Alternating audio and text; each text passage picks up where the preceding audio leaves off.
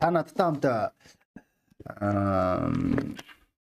Үлсийн номын 3 дугаар бүлгийг нээхгүй. Энэ бүлгийг бид нэр өглөөний Библи судлал дээр итгэлийн бэлгийн талаар ярьж байх үедээ уншсан.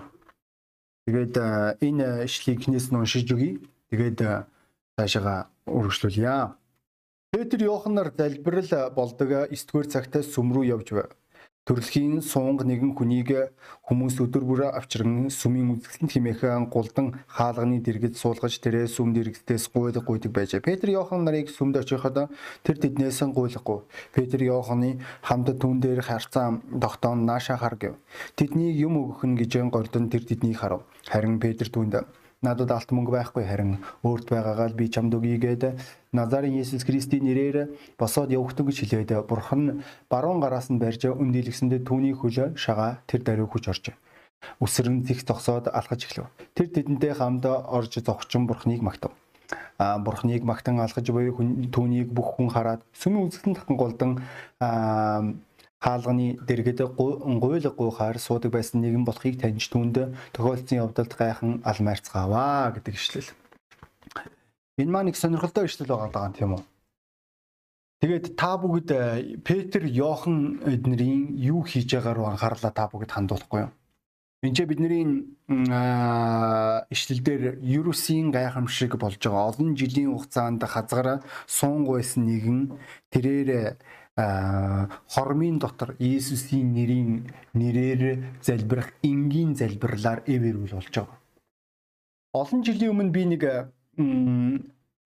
зүгээр жишээ уншиж ирсэн. Энэ жишээн дээр болохоор нэг сүмийн нэг томхон сүмийн пастор тэрээр өөр нэг сүмийн пастор жижиг сүмийн пастор урж ирэхэд тэрээр тэр пасторд өөрийн одоо сүмийн эд баялаг тэр хэрэгслүүдийн талаар тэрээр гайхшруулж гэлсэн байгаа. Өнгөрж эхэлсэн. Тэгээл тэр энэ үнтэй энэ үнтэй гэд бүр ингэ сүмөөсөө гараад тэр сүмийн орой дээр байгаа тэр загалмаагаа заагангуудаа тэрээр хэлж байгаа. Энэ зүгээр энэ загалмаа л гэхэд биднэрт 100000 доллараар олцсон гэж хэлж байгаа. Тэгээд тэрээр цаашаа ирэхдээ одоо бид нэр тэр Есүсийн шавнырын үед байсан шиг биднэрт алт мөнгө байхгүй гэж хэлж чадахгүй гэж тэрээр томорсон байгаа. Тэр үед нөгөө нэг жижиг сүмийн пастор маань түн лүү хараа тийм ээ тийм биднэрт тэгж хэлж чадахгүй. Бас мөн нөгөө талаас бид нэр Назарын Есүсээр Есүсийн нэрээр бос гэж ч юм уу хэлж чадахгүй гэж хэлж байгаа. Өнөөдөр та бүгд үүний талаар бодож үзэхгүй. Өнөөдөр Христэд итгэх итгэлийн амьдрал Христчил өнөөдөр яг ямар төв рүү чиглэж байгаа вэ? Өнөөдөр хэрэг олон итгэгч нар маань Есүсийн тушаалыг өөрсдийн амьдралдаа хэрэгжүүлж байгаа вэ? Та бүгд үүний талаар хоронхон зур бодоод үзэхгүй. Энэ тушаал маань таны хувийн амьдралд яг хэрэг хэрэгжиж байна. Өнөөдөр би олон өөрийн амьдралаараа завгүй байгаа итгэгч нарыг харж байна. Бид нэр янз бүрийн зовлонгоо дурдж байгаа. Янз бүрийн асуудлуудын талаар тийм ээ үнэхээр бидний амьдралд янз бүрийн асуудлууд байдаг нь үнэхээр үнэн. Бидний амьдрал дардан биш нь тодорхой. Би үүнийг ч мөн бурхан биднэрт амлаагүй ч мэдээж. Тэгээд чи зөвхөн өөрөө өөрийнхөө төлөө амьдарч байгаа өөрөөсөө өөр ямар ч асуудлыг ярихгүй байгаа өөрийнхөө асуудал дундаа гутгалдаж байгаа, зовж чандаж байгаа бүр асуудал байхгүй газараас асуудал үүсгээд зовж байгаа хүмүүсийг ч бид нэр энэ Христэд итгэх итгэлийн амьдралд харж болно. Өнөөдөр Христэд итгэх итгэл маань яг ямархуу нөхцөл байдалд байна вэ? Тийм ээ үнэхээр маш олон ухаантай эрдэмтэд гарч ирж байгаа. Христчлийн тодорхойлолттой Тэд нэр докторийн зэргийг хамгаалж болно. Тэд нэр Библийн онлын төвшөнд үнэхээр тэд нэр маш мундаг ярьж болох юм. Хаасайгүй хүмүүнлэг байдлын талаар дурдж байна. Хаасайгүй итгэгч нар маань аль болох соёлтой бие авч явж байгаа. Тэд нэр соёлын нэг этикийн нэг соёлыг түгээх гэж хичээж байгаа. Бүр хамгийн солиотой нүртлээ саяхан хүртэл одоо манай дархны итгэгч нар дундаас зүгээр нэг айлдаа зочлох үе танаа Есүсийнхэн чинь цагаан сар тэмдэглэдэг юм уу гэж солиорсон байгаа. Өнөөдөр үнэхээр яг энэ нэг юм хийрхлүүд нэг юм соёлын нэг тийм нөлөөллийг үзүүлэхийг хичээж байгаа хийрхлүүд байгаа энэ дундаа. Мөн энэ дундаа соёлтой боловсон хүмүүнлэг олон хүмүүсийг би сая хүртэл одоо яг энэ үгсийг э, солиорж байгаа гэдэг үгсийг ашиглахад хүртэл зарим хүмүүсийн хувьд үнэхээр сонсоход хэцүү болж хуурж байгаа болов. Өнөөдөр Христэд итгэгч нар асар амжилттай байна энэ Улаанбаатарт. Бид нэр үнэтэй машин унж байна. Бид нэр үнэтэй зүйлсүүдийг хэрглэж байна. Тэгээд сүм гэдэг зүйл маань зүгээр нэг тийм сэтгэл зүүн бодлогын чанартай эсвэл зүгээр нэг юм хамаатангуудын нэг цугларалтын газар болж хувирж байгаа. Тэгээд нөгөө өмнө нь сүмийн үндсэн байсан тэр дуудлага үн цэний алдагдж байгаа. Өнөөдөр таны сүмийн талаар яг юу ярих вэ? Өнөөдөр бид нэр гаднах дүр төрхөөрөө бурханлаг дүр төрхтэй байж болох юм. Паул Тимотийн 2 дугаар Тимотийн 3 дугаар эшлэлдэр Паул тэрээр хэлэхдээ би та бүгдэд уншиж өгье. 2 дугаар Тимот 3-ын 5 Тэд итгэл сүсэгтэй сүсэгт дүртэйч хүчийг нь үгүйсгдэг. Чи тэднээс хол бай гэж хэлж байгаа. Бид нар яхаа аргагүй сүсэг бишрэлтэй бид нар итгэлийн байр суурийг илэрхийлж байгаа. Бид нэр хэрэгтэй шашинлаг үгсүүдийг хэлэх чадвартай. Тэд нар үнэхээр мундаг байж болох юм. Гэхдээ бодит байдал дээр бид нар бурхны хүчээс татгалзаж байгаа. Өнөөдөр олон сүмүүдэд өнөөдөр эдгэрлийг таалж гарахгүй олон сүмүүдэд та Юрусийн гайхамшигыг Бурхны ариун сүнсний оролцоог та нар олж харахгүй. Тийм ээ тэднэрт ёс жаяг байгаа. Тэднэрт өөрийн гэсэн тогтолцоо байгаа. Тэднэрт өөрийн гэсэн үйл ажиллагаа байгаа. Тэднэрт өөрийн гэсэн бүр сүмийн соёлж байж болох юм. Тэднэрт бүр өөрийн гэсэн сленг буюу гэхэд тусгай хиллэгч байж болно. Гэхдээ бодит байдал дээр бид нэр жинхэнэ сүмийн хувьд, Христийн сүмийн хувьд өөрийн хүчээ алдсан байх аюултай. Гүр заримдаа хүртэл хүмүүс сүмд янз бүрийн зорилгоор хурж ирдэг. Үндсэн сэтэл нь буруу байх тохиолдолд олон бий. Бид нэр үүнийг Үлсийн номын 5 дахь бүлэг дээр харж болно. Анна Сафирагаас өмнөх 4 дугаар бүлгийн та нар хэрвээ уншиж үзэх юм бол тэнцээ а тайтгарлын хөвгүүний талаар ярьж байгаа. Тэр хөвгүүн маань сүмдээ яг тухайн үед хэрэгтэй байсан шүү. Тэрнээс бол оо сүмүүд одоо ингээд эд хогшлын заруултгийн гинлээ сүмүүд орон гэрийн заруултгийн гинлээ тийм юм ерөөсөө байхгүй. Тухайн үед яа харахгүй үнэхээр маш онцгой хэрэгцээ байсан. Тэгэд энэ хэрэгцээнд нь тэрээр тэр тайлхарлын хөвгүү маань хариулсан байгаа. Тэрээр өөрийн санхүүгөө өнгөсөн. Энэ болгоныг хараад Анна Сафира хоёр бодсон байгаа. Хүүе. Мм. Гайхалтай Үнэхээр сүмд нөлөөллөө үзүүлэх боломж байх нь харж гин үү ямар би өгөөмөр гэдгийг яаж би золиос гаргаж байгаа гэдгийг тэгтээ ойлгомжтой тийм үү цаана нь тэр золиосын цаана давхар бодол явж исэн. Би ойлгодгүй өнөөдөр Христэд итгэх итгэлийн амьдралаар амьдарч байгаа үеж үүний цаана хүний муу санаа явж давхар бодол яв дагуулan явж байгаа тэр итгэгчнийг хараад би үнэхээр ойлгодгүй. Яг юуны улмаас яагаад ийм зүйлсүүд болоод байгаа юм? Тэд нэр алдаршихыг хүсэж байгаа. Тэд нэр хүндтэй байхыг хүсэж байгаа. Тэд нэр магтуулахыг хүсэж байгаа. Энэ л зураглыг бас мөн бид нэр Үлсийн номын 8 дугаар бүлгээс харж олно. Ил бичин Симоноос тэрээр ариун сүнсээр батлуулж байгаа тэр хүмүүсийг хараад тэрээр элчнэрийн өмнө хурж ирээд мөнгө сарваасан. Тэгээ хэлж байгаа наад билгээ надад өгөөч. Би ч гэсэн та нартай ижилхэн баймаар байна. Би ч гэсэн үнгээ ингэж алдаршмаар байна. Би ч гэсэн анхаарлын төвд баймаар байна. Би ч гэсэн өөрийгөө шүтмээр байна. Өөрийгөө шүтүүлмээр байна. Би ч гэсэн сүмд зөвхөн өөрөө өөрийгөө л ярмаар байна. Өнөөдөр итгэгч найз минь чиний талаар юу вэ? Та яг яах гэж сүмд явдаг вэ? Таны сэтлэг юу вэ? Өнөөдөр хүмүүс янз бүрийн шалтгаанаар сүмд явж болно. Боловсрох гэж, мөнгөтэй болох гэж, янз бүрийн гадаадын хөрөнгө оруулалт авах гэж би бүр э, хувьдаа ойлгодог ямар э, янз бүрийн байдлаар зүгээр л гадаадаас хөрөнгө оруулалтыг ирж хайж байгаа тэр хүмүүдийг тэд нар өөрийн үндэстэндээ итгэхгүй байгаа. Бидний хувьд Монгол угаасаа л ядуу. Угаасаа л боломжгүй. Заавал хаа нэгтээ Америкийн ах эсвэл Солонгосын ихч туслах ёстой. Тэгжиж тэд нэр энэ алхмуудыг хийж гэлж байгаа. Тэгээд энэ бүс дээр хэрвээ тусламж авчих юм бол үнэхээр бодож гэж байгаа. За одоо ингээд сүм байгуулчлаа да. Үнэхээр үнэн үү? Өнөөдөр э, элчнэрд байсан тэр эрх мэдэл өнөөдөр ахан дүүсээ биднэрт бий юу? Зарим сүмүүд тэд нэр нүглийг хүлээн шөөрч байгаа. Тэд нэр нүгэлт хүмүүс тэр сүмд байж байгаа завхаар л зүгээр баруун зүүнгүү Тэгээд тэд нар юу гэж хэлж байгаа вэ гэвэл өөрсдийнхөө талаараа бид нар нэгүсэнгүй сүм гэж хэлж байгаа. Тэгвэл Коринтын загтал дээр 1-р Коринтын 5 дугаар бүлэг дээр Паул хэлэхдээ та нар та нарт өнгөрөөд ах зүйл байхгүй. Өчүүхэн эсгэгч бүхэл гурлыг эсгдгийг та нар мэдхгүй хэрэгүү гэж хэлж байгаа. Энэ шалтгаанаар одоо Паул Коринтын сүмд маш хатуу хандсан та нар мэдэж байгаа. Тэгвэл өнөөдөр орчин үед бүр Христэд итгэх итгэлийн энэ ертөнцид сүмүүд дунд нүгэл гэдэг хиллэгч хүртлээ арчигдах аюултай байгаа. Нүглийг шууд утгаар нь хэлэх боломж байхгүй. Шууд байдлаар нь ярихгүй. Бүр ха бүр гонигтай зүйлийг хэлэхэд зарим хүмүүс Паул Филиппон загтал дээр хэлэхдээ Христийн загал маань дайснууд болж хувирдгаа гэж хэлж байгаа. Яагаад энэ бүх зүйлсүүд болно вэ? Яг ямар учраас вэ? Юуны улмаас вэ? Бид нэр хаасаагүй гонигтаана өө зөвхөн өөрөө өөрийнхөө төлөө амьдарч байгаа, өөрийн нэр хүндийг бодож байгаа, өөрийн байр суурийг бодож байгаа. Ямар ч золиос гаргах чадвар байхгүй. Ямар ч бусдын төлөө амьдрах чадвар байхгүй. Ямар ч байдлаар өөрийгөө үгүйсгэх чадваргүй тэр хүмүүсийг харж болно. Харж байна бидний нэшлэл дээр тэр газар төрөлхийн газар нэгэн сүмийн үүдэнд байгаа. Та нарт энэ энэ үг маань өөрөө ямар нэг юм бодогдуулахгүй нь. Танаа сүмийн үүдэн дээр нэг хазгар нөхөр сууж ийн гэж төсөөлье. Тэгээд сүмийн тэр үүдний үүдээр сүм рүү өчнөө хүмүүс орж байгаа. Петр Йоохноос өмнө хүртэл өчнөө хүмүүс орсон.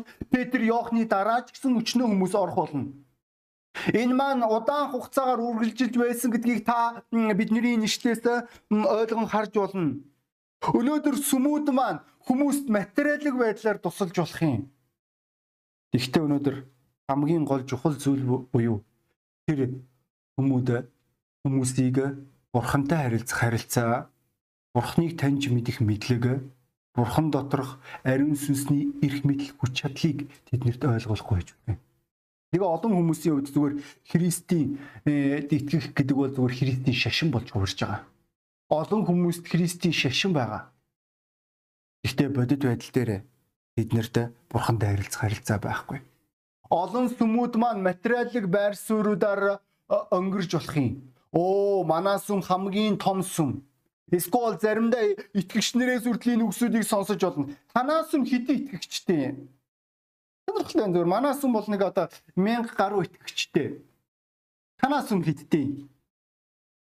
Өнөөдөр зүгээр бүгдээрээ бодож үзсгэе. Бид нэр үүгээр өнгөрөх ёстой байлуу? Бид нэр үүгээр бахарх ёстой байлуу? Өнөөдөр хүний тогтолцоогоор бид нэр баярлах ёстой юу? Бид нэр өнөөдөр хүний хэмжээгээр тооны хэмжээний араас хөөцөлдөж үгүй энэ маань буруу гэж байгаа юм биш. Өнөөдөр хэрвээ сүм их хүмүүстэй байвал энэ сайн. Олон хүн аврагдсны шинж мөн аврагдаагүй ч гэж болно. Гонигтай байдаг байгаа заримдаа үнэхээр томоохон томоохон сүмүүдээс янз бүрийн харамсалтай түүхүүдийг сонсоод тэр хүмүүс маань сүмээс явцсан байгааг харах. Гэхдээ үүний талаар бид нэр ярих гаг байна. Тэгэд хүмүүс Христийн шашинда тасаж болох юм. Өнөөдөр та яг ямар итгэлтэй вэ? Өнөөдөр таны итгэлийн амьдрал яг ямар вэ? Та магадгүй яг энэ итгэлийн амьдралдаа дасчиж болох юм. Та Есүсийн нэрээр гэж хэнийг ч идгэж чадахгүй. Харин танд магадгүй алт мөнгө нь байгаа. Таны хүсэж байсан, мөрөөдөж байсан зүйлсүүд бол мөнгө. Өнөөдөр та санхүүгийн бүс дээр маш амжилттай байж болно. Материалын бүсүүд бүсүүд дээр та амжилттай байж болно. Та гэхдээ хамгийн гол чухал зүйлийг алдсан яг л Марта Мариатай ижилхэн түүх. Марта бүхэл зүйлүүдийн араас зовж байгаа. Тэр үед Есүс Христ Марта руу хараад Марта, Марта олон ч зүйлийн төлөө санаа зовж ин да үнэндээ чамд ганцхан зүйл хэрэгтэй. Өнөөдөр хамгийн гол чухал зүйл нь өнөөдөр ахан дүүсээ биднэрт байхгүй гэж болно. Өнөөдөр биднэрт хамгийн гол чухал зүйл буюу бид нэр өнөөдөр Петр шиг, Йохан шиг Есүсийн нэрээр бос гэж хэлэх хэрэг мэдл биднэрт байхгүй байж болох юм. Өнөөдөр чиний талаар юу ярих вэ найз минь? Өнөөдөр чиний амьдралдаа одоо яг ямар амьдрал явагдаж байгаа вэ? Чиний өдөр тутмын одоо энэ карантины үеэр өнөөдөр чи яг юу хийж байгаа вэ? Энэ маань чухал болов. Тэгээ бүгдээрээ зүгээр нэг юм нэг юм их санацгаа.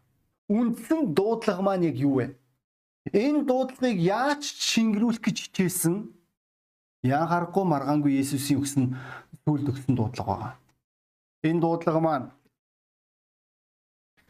Марк номын 16 дугаар бүлэг дээр байгаа. Марк номын 16 дугаар бүлгийн Марк номын 16 дугаар бүлгийн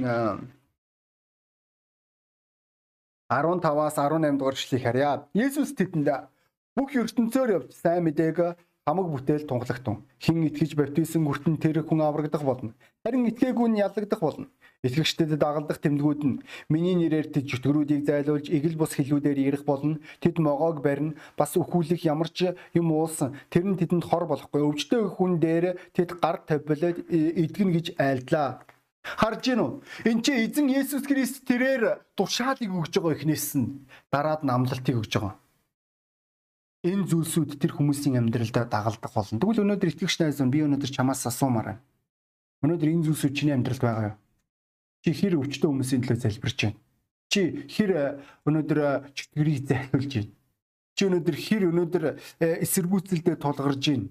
Тийм үнэхээр заримдаа итгэгч нар маань өөрийн тэнэглэлээс болоод эсэргүүцэлдээ тулгардаг бид нэр уган бол тэгж болохгүй байх байсан. Өнөөдөр итгэгч ахын дүүсээ бүгдөө зүгээр энэ орой бүгдөө шудраг байцгаая. Бидний зорилго яг юу вэ? Бурхан дотор. Манай сүмийн зорилго яг юу вэ? Бүр цаашаа явъя. Та яг ямар сүмийг ирээдүйд мөрөөдөж байгаа вэ? Ямар сүмийн төлөө залбирж байгаа вэ? Ямар итгэгч нарын төлөө залбирж байгаа вэ? Өөрөө өөрийнхөө төлөө амьдраад өөрөөсөө өөр хэнийг ч хайрладгүй тэр итгэгч нар дунд хоёр нүрэлсэн, ховч ивэрхөө өрсөлдсөн, шүүмжилсэн, гоочилсан тэр хүмүүсийн дунд байхыг хүчин нүгэлтэнгээс ялгаа байхгүй. Ямар ч байдлаар хинд ч нөлөөлөх чадвар байхгүй. Эсвэл өнөөдөр жинхэнэ дээрээс төрсөн ариун сүнсний галаар дүрэн үргэлж урагшаага алхах солиотой алхмуудыг хийх тэр хүмүүс тунд байхыг хүсэж гинүү. Өнөөдөр Христийн шашнаар дүүрэн сүмд байхыг хүсэж гинүү. Эсвэл та Бурхантай харилцах харилцаагаар амьд харилцаагаар дүүрэн сүмд байхыг хүсэж гинүү ахын дүүсээ. Өнөөдөр биднэрт яг юу байгаа вэ? Петр Йохан эднэр хэлж байгаа. Бид нэр байгаа зүйл тэр зүйлээ л үгүй.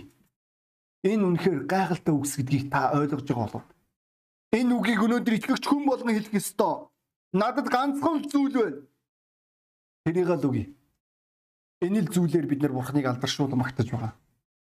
Бид нэр энэ үйлсийн номын энэ бүлгийг хэрвээ цаашаага 3 дугаар бүлэг 4 дугаар бүлгийг унших юм бол энэ бүлэг дээр бурхан алдаршиж байгаа. Петр Йохан эднэр биш. Бүр Петр Йохан эднэрт тэд нэр тухайн үед тэр хазгарыг эдгэрсэн байгааг хараад хүмүүс тэднэр лөө гайхшин харж явах үед тэд нэр хэлж байгаа. Үгүй бид нар итгэсэн юм шиг та нар хараадах юм. Бид нар итгэгээгүй шүү дээ. Иесус идгээсэн. Иесусийн загалмаа золиос идгээсэн. Өнөөдөр олон итгэгчнэр өөрийгөө алдаршуулан магтахыг хүсэж байна. Уг нь бол бид нэр Бурхныг алдаршуулан магтах ёстой. Оо пастора би байдалд орчих штэ. Оо пастора би надад ивгүй штэ. Би айж гин. Би имэж гин. Би буруу ойлгуулмааргүй. Би тэгээ яах юм тэгээд би тэгээ өвчтөөний төлөө залбирх юм уу? Яагаад болохгүй гэж найз. Яагаад? Өнөөдөр өдрийн хүүхдийн хичээл дээр хүүхдийн хичээлийн багш нарын маань нэг асууж байгаа. Танаа аав ээж нар чи өвчтөн хүмүүсийн төлөө хэрэг залбирж байгаа вэ? Ямар гонигтай вэ тийм үү? Аав ээж нар нь өвчтөн хүмүүсийн төлөө залбирдгүү бол хүүхэд маань тэр чигээр Христийн шашнаар өсөж байгаа. Тэрнээс бол тэд нэр өөрийн аав ээжээс ямар ч бурхантай харилцаа амьд харилцааг харахгүй байгаа.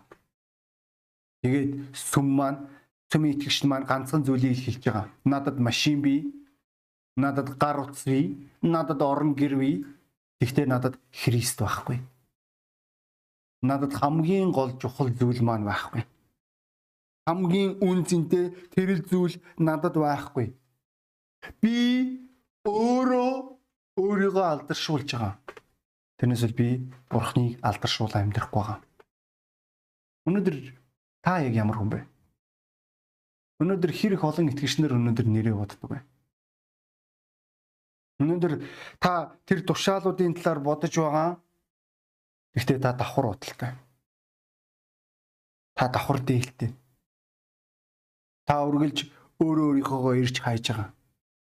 Харж байна уу бидний нэшлэл дээр байнгын залбиралд өөрөө өөрсдийнхөө амьдралыг зориулж байгаа тэр хүмүүсийг харж болно. Тэд нэр өглөө болгон залбирлын өргөө рүү хурж ирж байгаа. Үхсэн сүмд хурж ирж байгаа шүү. Христ байхгүй тэр сүмд. Энэ нь юу гэсэн үг вэ гэвэл өнөөдөр сүм маань цуглахгүй байсан ч гэсэн Христ чиний дотор амьдрах боломжтой гэсэн үг итгэгч найз минь.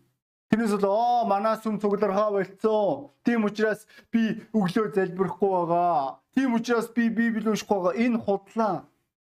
Энэ хүмүүс ерөөсө тэр тухайн тэр сүмийн итгэгчнэр нь ерөөсө хинж итгэхгүй угаасаа л энэ нэг тэнэмлүүд ингээ байж явах хэвээр угаасаа л ингээ гуйлагчд байх хэвээр яг нэг хідэн өрөвч сэтгэлээрээ би нэг хідэн заас энэ хүмүүст өгчий тэгээ нэг сэтгэл сайхан болчихий би нэг сайхан буянта ах энэ л мэдрэмжээр би амьдрахыг хүсэж чинь гэдэг тэр хүмүүс байж хахад энэ хоёр хүн маань өөр сэтгэлээр хурж ирж байгаа. Тэд нэр бурхны өргөнд бурхныг хайх гэж хурж ирсэн. Бурхантай харилцах гэж хурж ирсэн байгаа. Өнөөдөр тэгвэл итгэгч найз минь өнөөдөр чи залбирал гэж ярих үед өнөөдөр яг ямар байр суурьаар залбирах энэ шалтгаанаар би хамгийн одоо яг надад таалагдгүй зүйл маань өнөөдөр хувийн залбирлаа алдах. Хувьчлан чи бурхантай харилцах хинч байхгүй байх тэр үед чи бурхантай харилцах тэр харилцаагаа алдах үед үнэхээр миний хамгийн хэцүү байдаг үе. Өнөөдөр чи бурхныг мэдрэхээ болж гэж байгаа. Чи өнөөдөр одоо чинь үүнгүүгээр өнөөдөр олон итгэгчнэр амьдрын шүү Өнөөдөр үнгүүгээр өнөөдөр итгэгчнэр залбирлгүйгээр Библи уншлаггүйгээр амьдарч чадна. Тэгээ тэд нар өөрсдөө итгэгчнэр гэж хэлж байгаа. Тэгээ баг багаар тэд нар нүгэл рүү айж айж ухнаар орж байгаа. Тэгээд ахын төсөө бид нар зүгээр нэг их өөрхөн Христийн шашин болж байгаа. Өөрөх аюул байна. Өнөөдөр итгэгч ахын төсөө бид нар яг ямар сүмд байхыг хүсэж байна. Ямар сүмийн төлөө бид нэр залбирах ёстой. Би та бүгдийг уриалж байна яг одоо энэ мөчөөс эхлээд өвчтөн хүмүүсийн төлөө залбирч эхэлнэ. Өнөөдөр ариун сүнс өнөөдөр бид нэр харь хэлээр ярьдаг нь өнөөдөр зүгээр нэг энэ хэлээр гангарах гэж ярьдаг юм биш. Бид нэр ариун сүнсний эрх мэдлийг бусад хүмүүст харуулж бурхныг алдаршуул амьдрах хэрэгтэй болох юм үсэ. Би үүнийг хийхийг би та бүдэд уриалж байна. Тэгээд энэ газар байгаа хүн болгон толгоогоо далгаад нүдэнэсэ гэж хүсэж байна. Энэ номлыг сонсож байгаа та надтай санал өгдөг бах итгэгч найз минь. Орчин үеийн Христэд итгэх итгэлийн амьдрал үндсэн зорилгоосоо хазаасан. Бид нэр хүртэл холбооны хувьд холбооны зорилгоосоо хазаах аюулгүй. Бид нэр энэ амьдралын хэв загварт дасчих аюулгүй. Зүгээр л нэг өдөр тутмын өнөөдөр давтагдсан энэ амьдрал. Өглөө босоод юу ихэ мэдэж байгаа хөөхөн гэрийн хорионд байгаа. Тэг өөр юм байхгүй Энэ маань гонигтай шүү. Би тэгвэл та бүгдийг илүүг шуналтан хүсээсэй гэж хүсэж байна. Учир нь Паул Эфесийн загтал дээр тэрээр хэлэхдээ Эдүүг дотор маань ажилдаг хүчний дагуу бөөх буюу бодхоос бодох бүхнээс нь илүү химжээсгүй э, бэлхлаар үйлдэх чадвартай түүнд алдарн чуулганы дотор Христ Иесус дотор бүх үеийнхнийг туршид үрд мөнх байх болтугай амен гэж хэлж байгаа. Өнөөдөр та шуналтан хүс найз минь. Та залбирж ихэл. Та бурхныг ирж хай. Битгий өөрөө өөрийгөө хоосон шашнаар битгий дүүрэг. Өнөөдөр бурхныг бурхантай уулз. Бурхан руу хөр энэ маань үнэхээр гажиг сонсогдож байж болох юм. Гэхдээ өнөөдөр та үнэхээр итгэгч бол та энэ үгийг ойлгож байгаа. Та биш бол энэ таны хувьд үнэхээр инээдтэй сонсогдох болно. Та залбирлаараа бурхан төрж байгаа. Та бурхныг мэднэ. Та шашныг биш. Та хийрхлийг биш. Та соёлыг биш. Хүмүүнлэг байдлыг биш. Энд бурхантай харилцах харилцаа Та өөрийн амьдралаараа Бурхныг алдаршуулан амьдарч байгаа. Тэрнээс бол өөрийгөө алдаршуулан амьдрах. Би үнэл бахан дэсээ би та бүгдийг уриалан дуудаж байна. Тэгээ магадгүй та өнөөдөр энэ номлыг анхудаа сонсч иж байна. Би танд мөн хэлэхдээ байна. Бурхан Бурхан танд шашин санал болгож байгаа юм биш. Яг үл хиндэж шашин тус болдгүй. Харин Бурхан танд бодтойгоор туслахыг хүсэж байгаа. Энэ тусламж маань зөвхөн материалыг биш гэдгийг найз минь ойлгох хэрэгтэй. Учир нь хүн материалгаар нэг тусламж авна, хоёр тусламж авна, гурван тусламж авна тэгээд байхгүй. Харин бурхан танд мөнхөд өнөөдөр энэ хүн төрлөختөнгийн өгч чадахгүй байгаа тусламжийг өгч байна. Энэ шалтгаанаар Иесус Христ ихтэй хүнд дарамт ачаа өвсөн хүмүүсээ над руу хурж ир би та нарыг амраа гэж. Энэ амралт маань өнөөдөр хүмүүс мөнгөтэй болчихгүй хурж ирдэг юм биш. Энэ амралт маань сүнслэг амралт. Энэ маань сэтгэл зүрхний амралт гэдгийг та бүгд ойлгож байгаа. Хэрвээ таны амьдралд нүгэл байгаа цагт та хизээч та сэтгэл хангалуун амарч чадахгүй нүглийн ачаа, нүглийн дарамт, гими мэдрэмж таныг байнга араас чинь хөөцөлдөх болно. Тэгвэл энэ өрөө бурхан таны нүглийг уучлахыг хүсэж байна. Үүний тулд Иесус Христ загламаа дээр сувдлагдсан. Бидний нүглийн төлөөсийн төлөө. Хэрвээ та энэ уучлалыг авахыг хүсэж байгаа бол та надтай хамт энгийн гимшлийн залбирлаар залбираасаа гэж хүсэж байна. Чин сэтгэлээсээ. Тэгээ та дагаад ихгүй юу? Бурхан минь Есүс Христ миний нүглийн төлөө загламад цовдлогдсонд би итгэж байна. Та надад хайртайг ойлгож байна. Таныг таньж мэдэх боломжийг олгооч. Та миний нүглийг уучлаач. Би таны өмнө нүгэлтэй.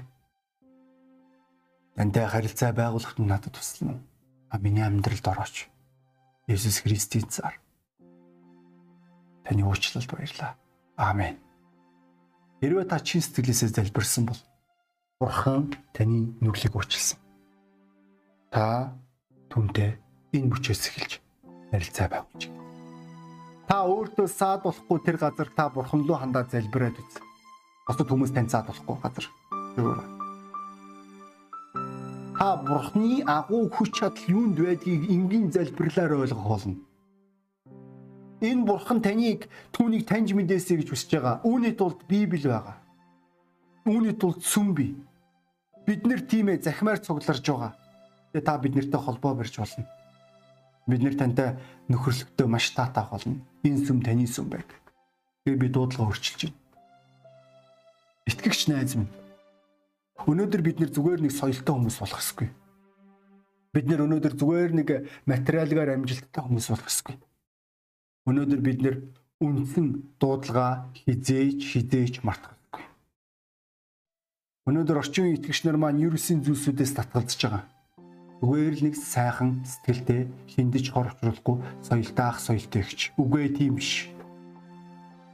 Бид нэр өнөөдөр Бурхныг алдаршуул магтаж амьдарч хэрэгтэй. Би таныг энэ бүс дээр шийдвэр гаргаасаа гэж хүсэж байна. Ариун сүнс тантай ярьж ах энэ мөч мөн би нэг зүйлийг хиймээр хэрвээ энэ номлыг сонсож байгаа би таны юу өвдөж байгааг би мэдэхгүй. Тэгтээ энэ өвдөлт байгаа. Энэ өвчин байгаа бол би тантай хамт залбирмаар байна.